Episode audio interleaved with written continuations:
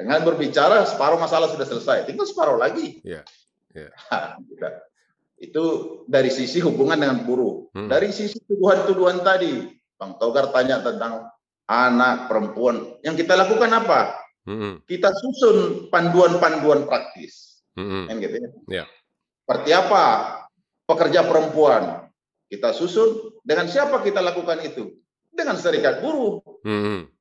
Nah, apa sih masalah Anda kan gitu ya? Ya. Oke, Ya. kita dulu. Nah, kita publikasikan. Ya.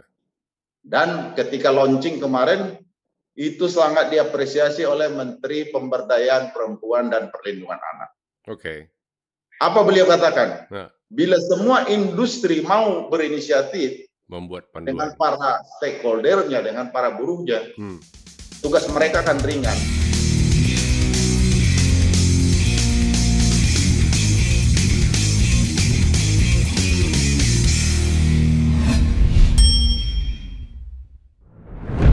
Jumpa lagi dalam Tagar Togar Podcast. Saya Togar Sitanggang. Kali ini eh, saya kedatangan tamu ya dan masih dalam kondisi online. Eh, kalau saya bisa, kalau dalam ada adat Batak saya bilangnya apara lah ya. Eh, apara eh, Bang Sumarjono Saragi. Tapi karena kita udah biasa ketemu nggak ada lagi kita para itu. Bang John ya. Bang John, apa kabar Bang John? Mantap, sehat. Eh, apa, Puji kab- apa kabar Palembang?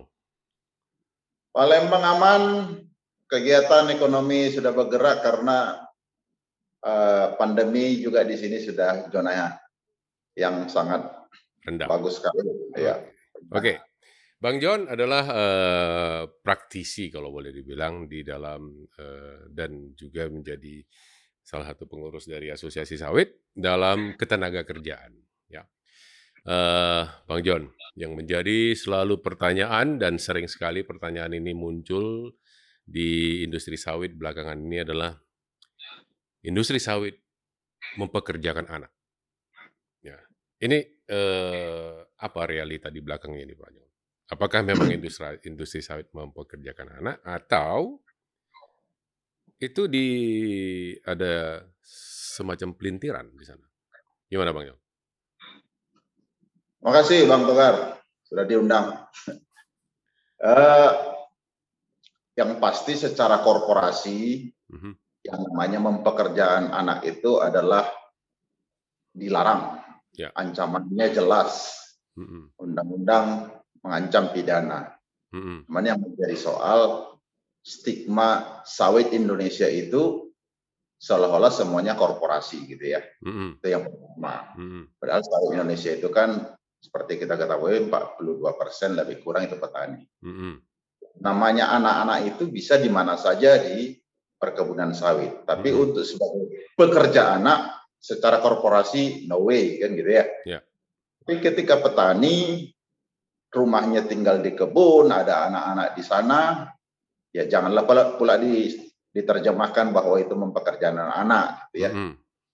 Secara apa namanya kearifan Mhm. eh, masyarakat Indonesia yang namanya anak-anak itu bagian dari keluarga, bagian dari kehidupan aktivitas keluarga gitu. Jadi bisa ngikut di mana saja gitu. Mhm. Jadi itu hal yang perlu di di-clearkan. Hmm, tapi eh, eh, tetap saja eh, stigma atau pernyataan-pernyataan masalah eh, pekerjaan anak ini terus-menerus muncul, ya. Seperti kayak kayak gelombang-gelombang gitu. Udah eh, tahun berapa itu 2015 atau 2014 muncul dari Amnesty International, ya.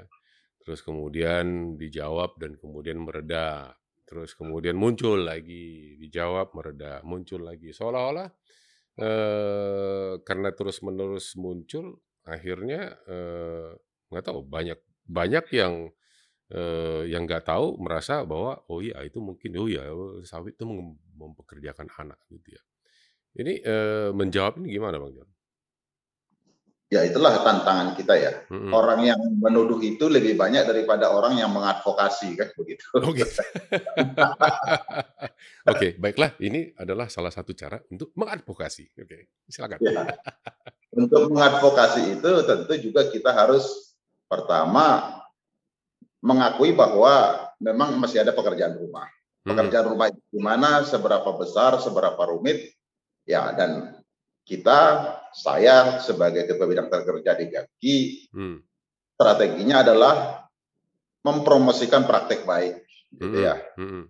Salah satunya bagaimana anak-anak di, di perkebunan korporasi, khususnya yang anggota GAPKI, itu Mhm. yang kita bagikan kepada rantai pasok, kepada petani, kepada pekebun non korporasi dan juga termasuk non GAPKI. Mhm. Itulah salah satunya strategi Mhm.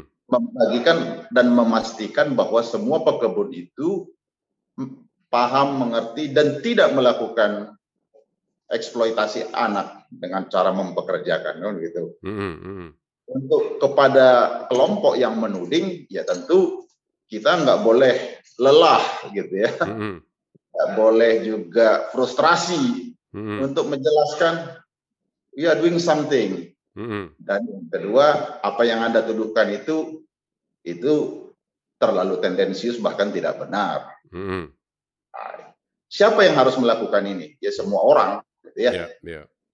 Jadi bukan hanya GAPKI apalagi anggota GAPKI semata, tentu ya sawit Indonesia. Seperti Mhm. saya katakan tadi, ya korporasi, GAPKI non GAPKI dan para rantai pasok. Oke. itulah PR kita. Ya, satu lagi PR adalah pekerja perempuan, ya, eh, yang selalu dikatakan punya beban yang luar biasa atau tidak diberikan hak-haknya dan segala macam. Itu kan juga sering menjadi eh, muncul. Kalau nggak salah kemarin itu eh, ada pertemuan dengan dengan apa eselon-eselon di Kementerian Ketenagakerjaan juga menyebutkan bahwa eh, ada permasalahan pekerjaan perempuan di di industri sawit di Indonesia. Itu sebenarnya gimana, Bang? Ya lebih kurang sama saja. Mhm, Artinya bahwa bahwa di sawit itu ada perempuan, ya pasti. mhm, Dia bisa sebagai pekerja, bisa sebagai istri atau Ya. pacar para pekebun kan gitu. Tapi eh, para para istri pekerja ini pekerja juga? Para dalam prakteknya bisa juga dia menjadi karyawan. Mungkin Oke. suami tukang panen, istrinya karyawan kantor misalnya kan. Mhm, Dia bisa saja. mhm, Cuman ya kita juga harus mengikuti perkembangan zaman dan situasi ya. mhm, Dulu yang barangkali kita anggap biasa, ternyata sekarang itu dianggap berbahaya gitu ya. Ya, contohnya? Nah. Jadi makanya ada istilah dalam eh, pemerintah kita itu pengaruh utamaan gender gitu ya. Mhm, Nah, sebagai ibu dari generasi ke depan, pemerintah melihat bahwa perempuan Indonesia di mana saja gitu ya, termasuk perempuan yang ada di pertanian dan sawit, diharapkan juga bisa mem- memperhatikan apa hal-hal yang membahayakan dirinya, Ya, membahayakan kesehatan reproduksinya. ya, Itulah kira-kira tugas kita juga memastikan bahwa semua praktek baik itu mhm. termasuk dalam aspek perempuan itu dilakukan dengan benar dan baik. Ya, karena dalam hal masalah eh, reproduksi dan gender tadi, tuduhan itu muncul pada saat diperlihatkan bahwa pekerja perempuan itu berkontak langsung dengan kimia-kimia, ya, herbisida dan segala macam ya di di perkebunan sawit itu gimana itu ininya? Ya, itulah salah satu concern dari para penggiat hmm, atau aktivis perempuan bahwa perempuan harus dipastikan bila salah satu contoh yang ekstrimnya gitu ya, Mhm, bila dia hamil harus dipastikan dia jauh dan aman dari bahan-bahan aktif seperti itu. mhm.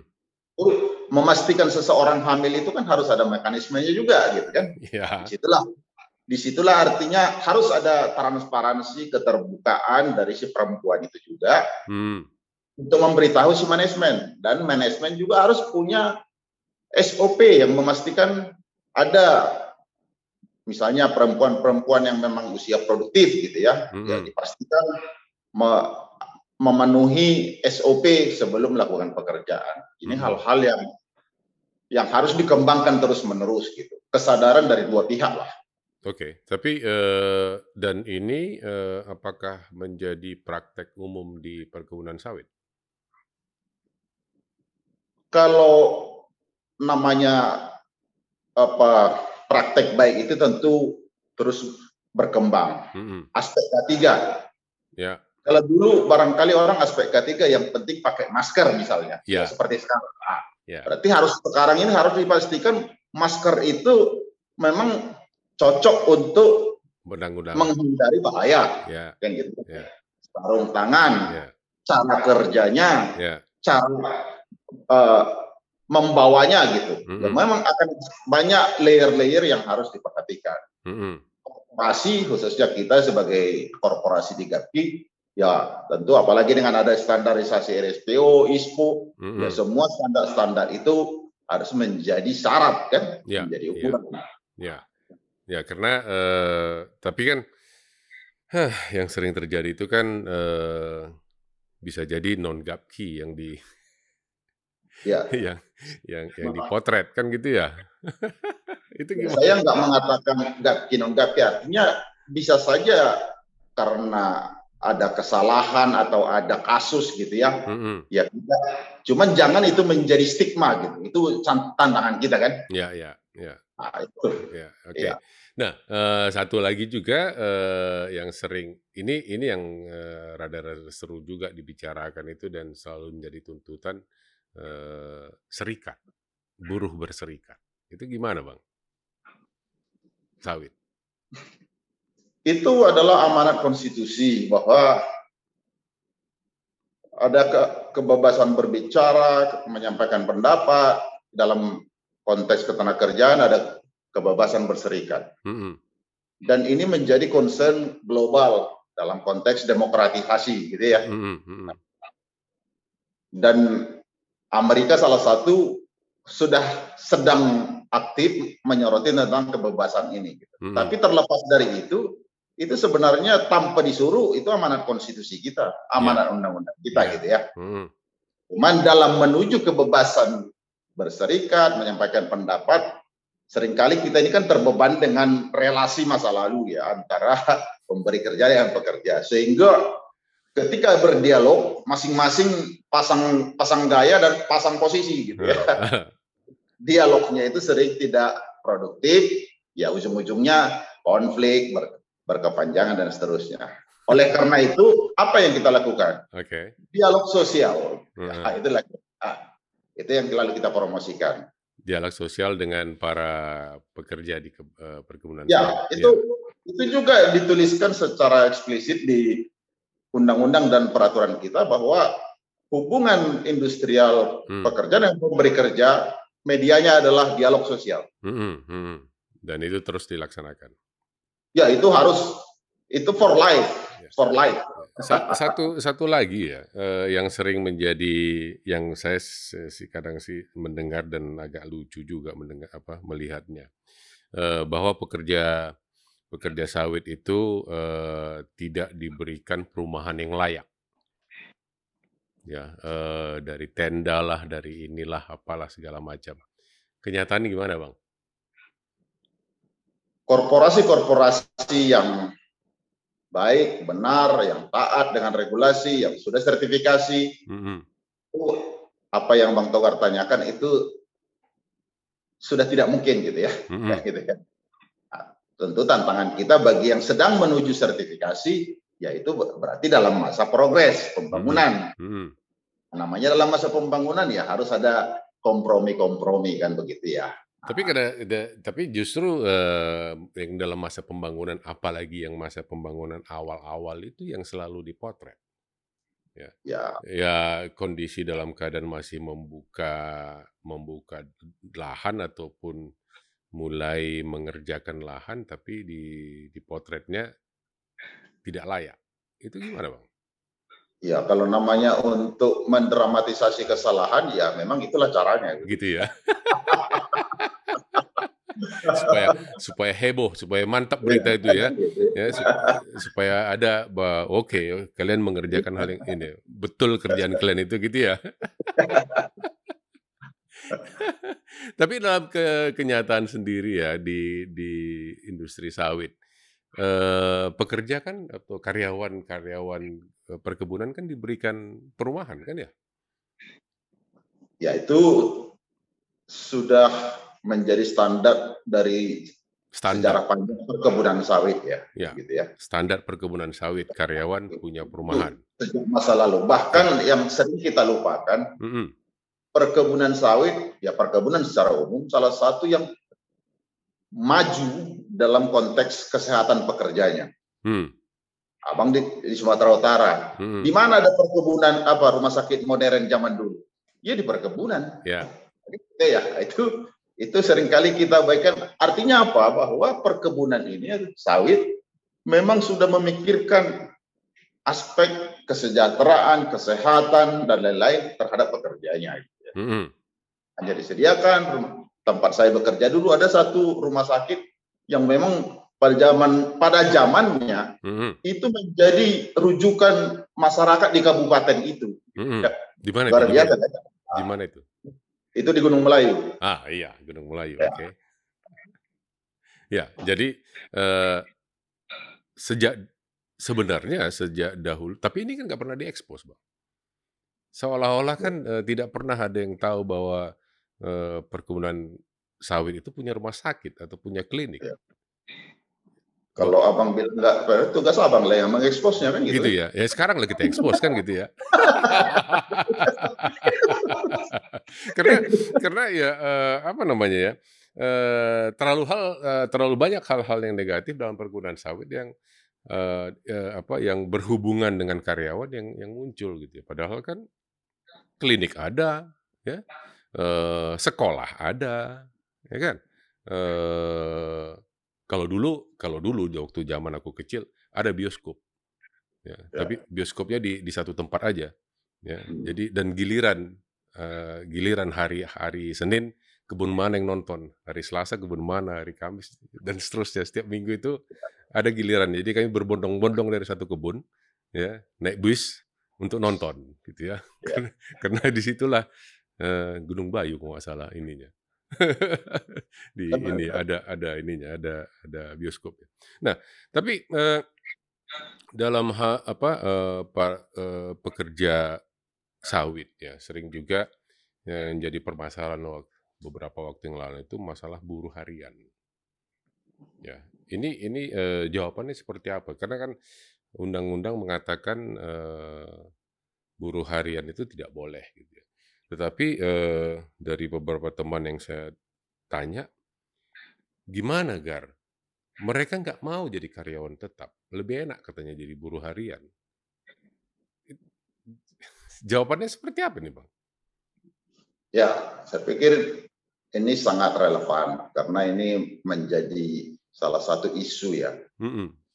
Apa yang abang katakan tadi itu adalah realita lapangan gitu ya. Mm-mm. Di satu sisi ada sekelompok pekerja atau masyarakat yang ingin menjadi karyawan PT atau perusahaan kalau Hmm. di PT. gitu. Ya tentu ketika dia mau memenuhi syarat ya kita rekrut kan begitu ya. Itu selesai ceritanya kan begitu ya. Ya, ya. Tapi ada juga yang tidak mau seperti abang katakan tadi. Mm. Ya, kondisi-kondisi lokal. Satu contoh dalam interaksi saya dengan banyak teman-teman di kebun. Kenapa sampai terjadi BHL berkepanjangan? Ya karena memang mereka itu datang dan pergi sesuka hatimu, gitu ya. Gitu ya. Gitu ya. Kayak lagu itu ya. Kau datang dan pergi sesuka hatimu ya. Sementara amanat peraturan dan syarat-syarat kerja kan kita juga mau lihat kinerja dia dalam kurun waktu tertentu kan begitu ya. Iya, iya. Kata undang-undang itu tiga bulan berturut-turut minimum 20 hari berarti dia memenuhi syarat untuk kita seleksi menjadi pekerja.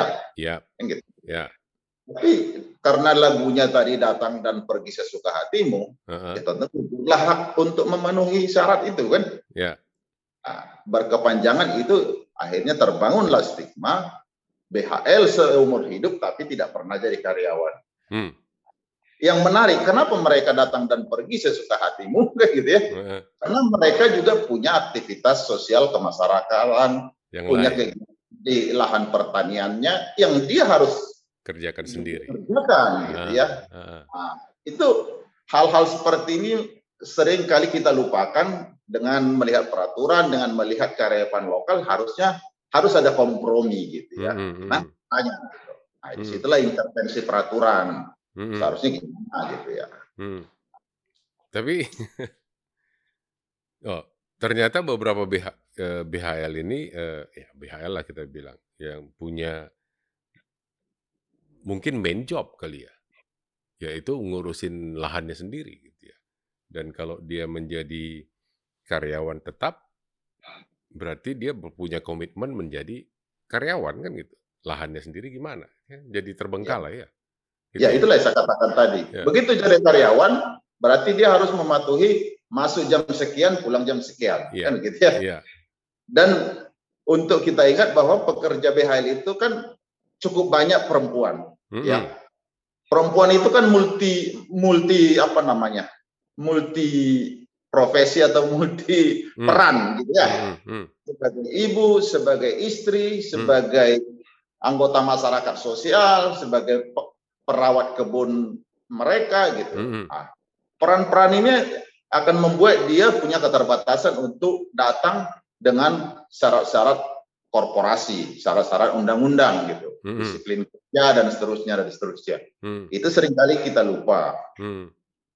Tapi uh, ya kalau kalau itu terjadi, terus jawaban kita terhadap tuduhan uh, perkebunan sawit tidak tidak mau me membuat BHL-nya atau menjadi karyawan tetap kan itu itu ininya headline-nya kan seperti itu. Ya, uh, ya, memang cerita ini tidak mungkin kita sampaikan sebagai apa namanya argumentasi ya. Hmm. Oleh karena itu solusinya saya selalu mendorong kepada pemerintah khususnya Kemenaker melihat realitas hmm. karifan-karifan seperti tadi apa payung hukumnya gitu. Jadi ketika ada tuduhan, ketika ada komplain, kita jawab dengan ini regulasinya, ini yang boleh, ini tidak boleh. Hmm. Dan itu sedang kita dorong supaya itu diwujudkan khususnya sebagai turunan dari PP Undang-Undang Cipta Kerja. Hmm, tapi ya, uh, tapi kan yang, yang paling paling susah itu kan eh, kearifan lokal itu kan lokal kita itu kan bisa puluhan bahkan ratusan gitu ya. Eh, apakah dikatakan mengikuti kearifan lokal nanti menjadi mengambang lagi ininya eh, kearifan lokal yang mana? Eh, nanti satu satu elemen masyarakat bukan ini kearifan lokal kami apakah menjadi kalau dibuat abu-abu seperti menjadi mengambang dan menjadi bahan apa eh, pertikaian yang baru. Ya, maksud saya begini, bukan kita uh, artinya memilih kearifan lokal mengabaikan hukum, bukan. -hmm. Maksud ya, tapi saya menyelaraskan dengan kearifan lokal, ya kan? Ya, ya. Kearifan lokal itu dengan hukum yang anda punya sekarang itu tidak tidak kompatibel, kan gitu ya? Iya. ya. Nah, itu satu. Hmm. Supaya ke, ke kondisi yang tidak kompatibel ini dimanfaatkan untuk mendiskreditkan, mencari salah, menuding dan seterusnya industri sawit. Hmm. Kan begitu saja soalnya di situ. Hmm, hmm. Satu sisi kita menyediakan lapangan kerja. Hmm. Dalam tanda kutip sangat fleksibel. Hmm. Kalau secara common sense hmm. bagus toh secara common sense kan. Kapan ya. dia mau kerja, silakan, silakan. kerja. Iya. Iya, iya, iya. Ya. Secara ya. Tapi kan itu tidak bisa dengan common sense harus apa kata aturan apa realitas sosialnya terus supaya tidak ada celah untuk mem mempersalahkan kita ya harus ada harus ada jembatannya hmm. ya aturan hmm. ya. Gitu. oke okay.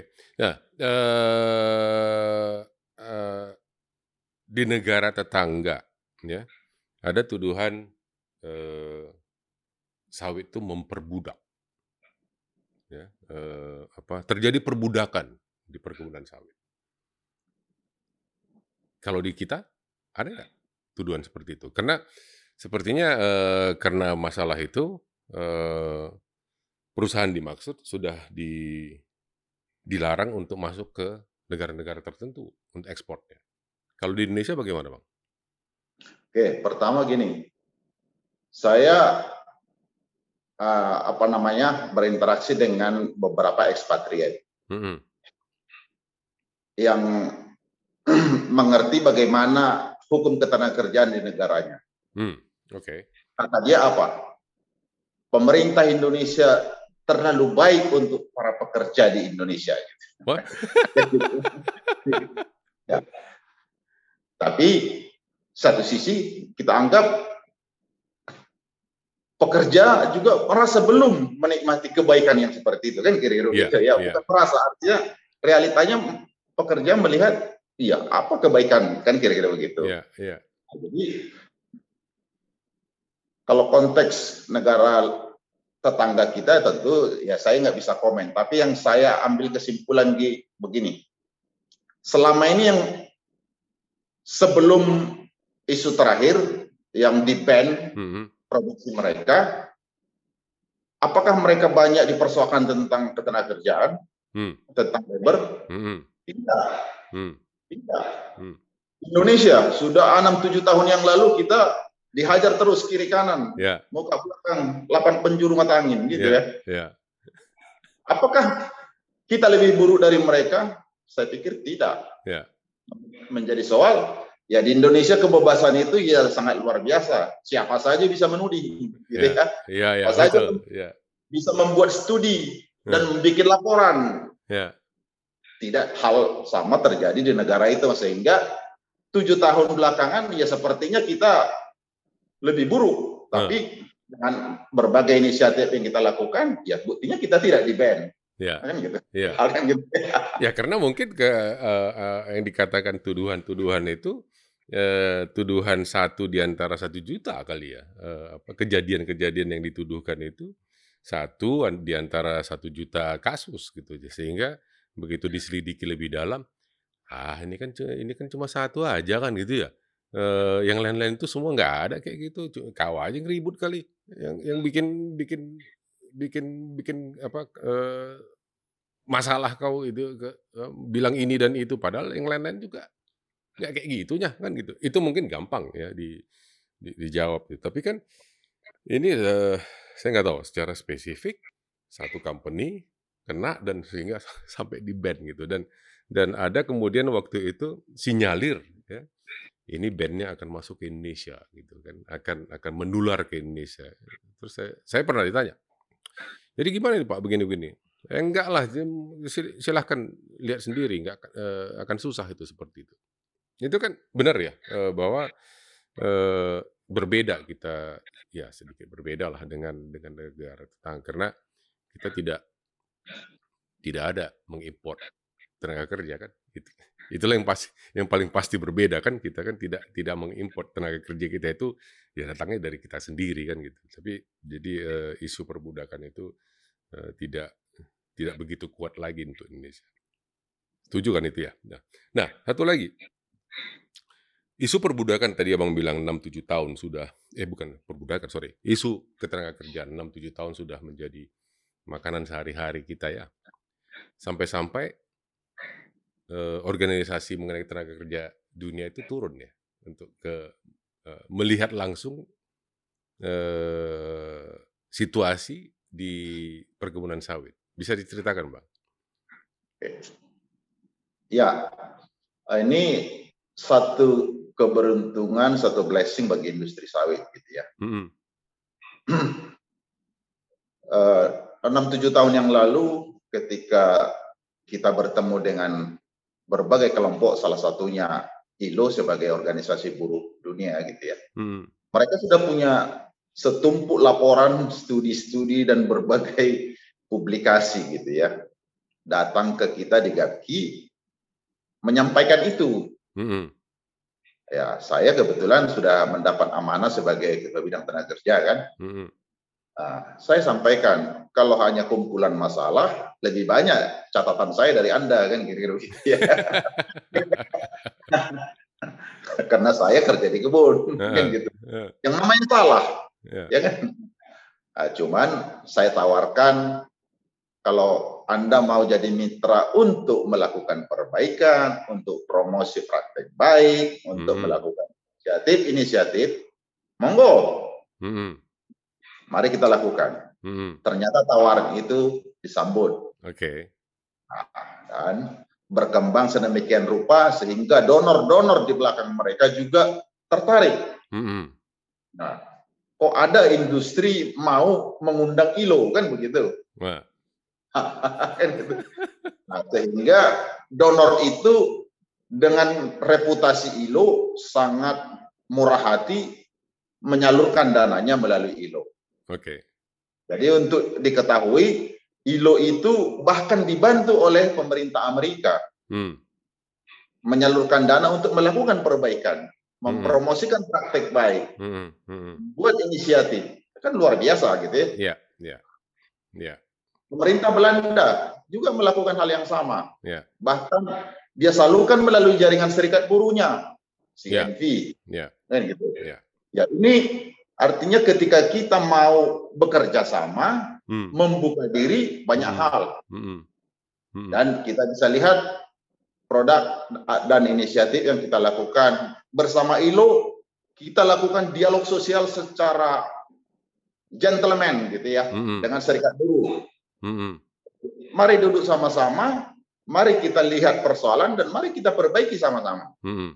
Oke. Tidak mudah, yes. Ya. Tapi saya punya keyakinan dialog sosial itu sudah menyelesaikan separuh dari masalah. Oke. Artinya kita mau berbicara toh. Ya, ya. Dengan berbicara separuh masalah sudah selesai, tinggal separuh lagi. Ya, ya. Hah, gitu. Itu dari sisi hubungan dengan buruh. Hmm. Dari sisi tuduhan-tuduhan tadi, Bang Togar tanya tentang anak perempuan. Yang kita lakukan apa? Mhm. Kita susun panduan-panduan praktis. Mhm. Kan gitu ya. Ya. Seperti apa pekerja perempuan? Kita susun dengan siapa kita lakukan itu? Dengan serikat buruh. Mhm. Nah, apa sih masalah Anda kan gitu ya? Ya, Oke, kita dulu. Nah, kita publikasikan. Ya. Dan ketika launching kemarin itu sangat diapresiasi oleh Menteri Pemberdayaan Perempuan dan Perlindungan Anak. Oke. Apa beliau katakan? Ya. Bila semua industri mau berinisiatif Membuat dengan panduan. para stakeholdernya, dengan para buruhnya, Hmm. tugas mereka akan ringan. itu dari sisi perempuan. Ya, Abang tadi juga tanya, topik kita ini kan perempuan anak gitu ya. ya, Anak juga. Anak itu kan pewaris negara ini gitu ya. ya. Ya, tugas kita juga membuat panduan praktis bagaimana anak-anak kita perlakukan di korporasi GAPKI. Mhm. Ada sekolah, ada tempat bermain, ada TPA, ada klinik dan seterusnya dan seterusnya. Mhm. Kita bukukan itu panduan praktis untuk mudah dibaca. Nanti kita bagikan lagi. Ya, ya, ya. Jadi kita GAPKI yang murah hati lah. Kira-kira begitu. Oke Bang, Eh, terima kasih sudah berbincang eh, atas waktunya, walaupun menyingkir dari rumah gitu ya. hari Sabtu, hari Sabtu sore eh, ke ke kantor gitu kelihatannya. Eh, terima kasih atas waktunya dan perbincangannya, Eh, Bapak Ibu, teman-teman, eh, para penonton dari dan pendengar dari eh, podcast ini. Eh, isu ketenagakerjaan di perkebunan sawit banyak dan banyaknya banyaknya itu kadang eh, negatifnya yang banyak kenyataannya nggak belum tentu seperti itu ya semoga tadi pembicaraan-pembicaraan yang sudah apa dialog kami dengan Pak Bang John eh, bisa mencerahkan ya eh, para yang nonton maupun yang mendengar apa sih sebenarnya yang terjadi di eh, perkebunan sawit ya dan dan perbaikan apa yang sudah dilakukan kalau memang eh, ada ditemukan hal-hal yang tidak baik ya atau kurang baik ya atau kurang pas gitu ya dengan dengan situasi. Dan eh, sekali lagi terima kasih Bang John atas waktunya. Ya, Bang. sebelum saya tutup eh, jangan lupa untuk subscribe eh, channel ini, eh, like, dislike atau berikan komentar eh, yang nanti akan saya apa eh, jawab. Dan yang paling utama adalah eh, bagikan eh, apa eh, channel ini karena di channel ini banyak informasi mengenai industri sawit yang semoga bisa menjadi pencerahan bagi ya semua yang menonton. Uh, uh, didengar A mungkin dengan apa mendengarkan atau melihat uh, podcast ini ternyata bukan A semua gitu ya. Ada B dan C dan D dan apa pun gitu ya. Uh, sehingga uh, menjadi penyeimbang kalau boleh saya bilang penyeimbang dalam hal uh, pemberitaan mengenai industri sawit. Sekali lagi terima kasih Bang John dan uh, terima kasih sudah menonton. Uh, sampai jumpa di episode episode mendatang. Salam.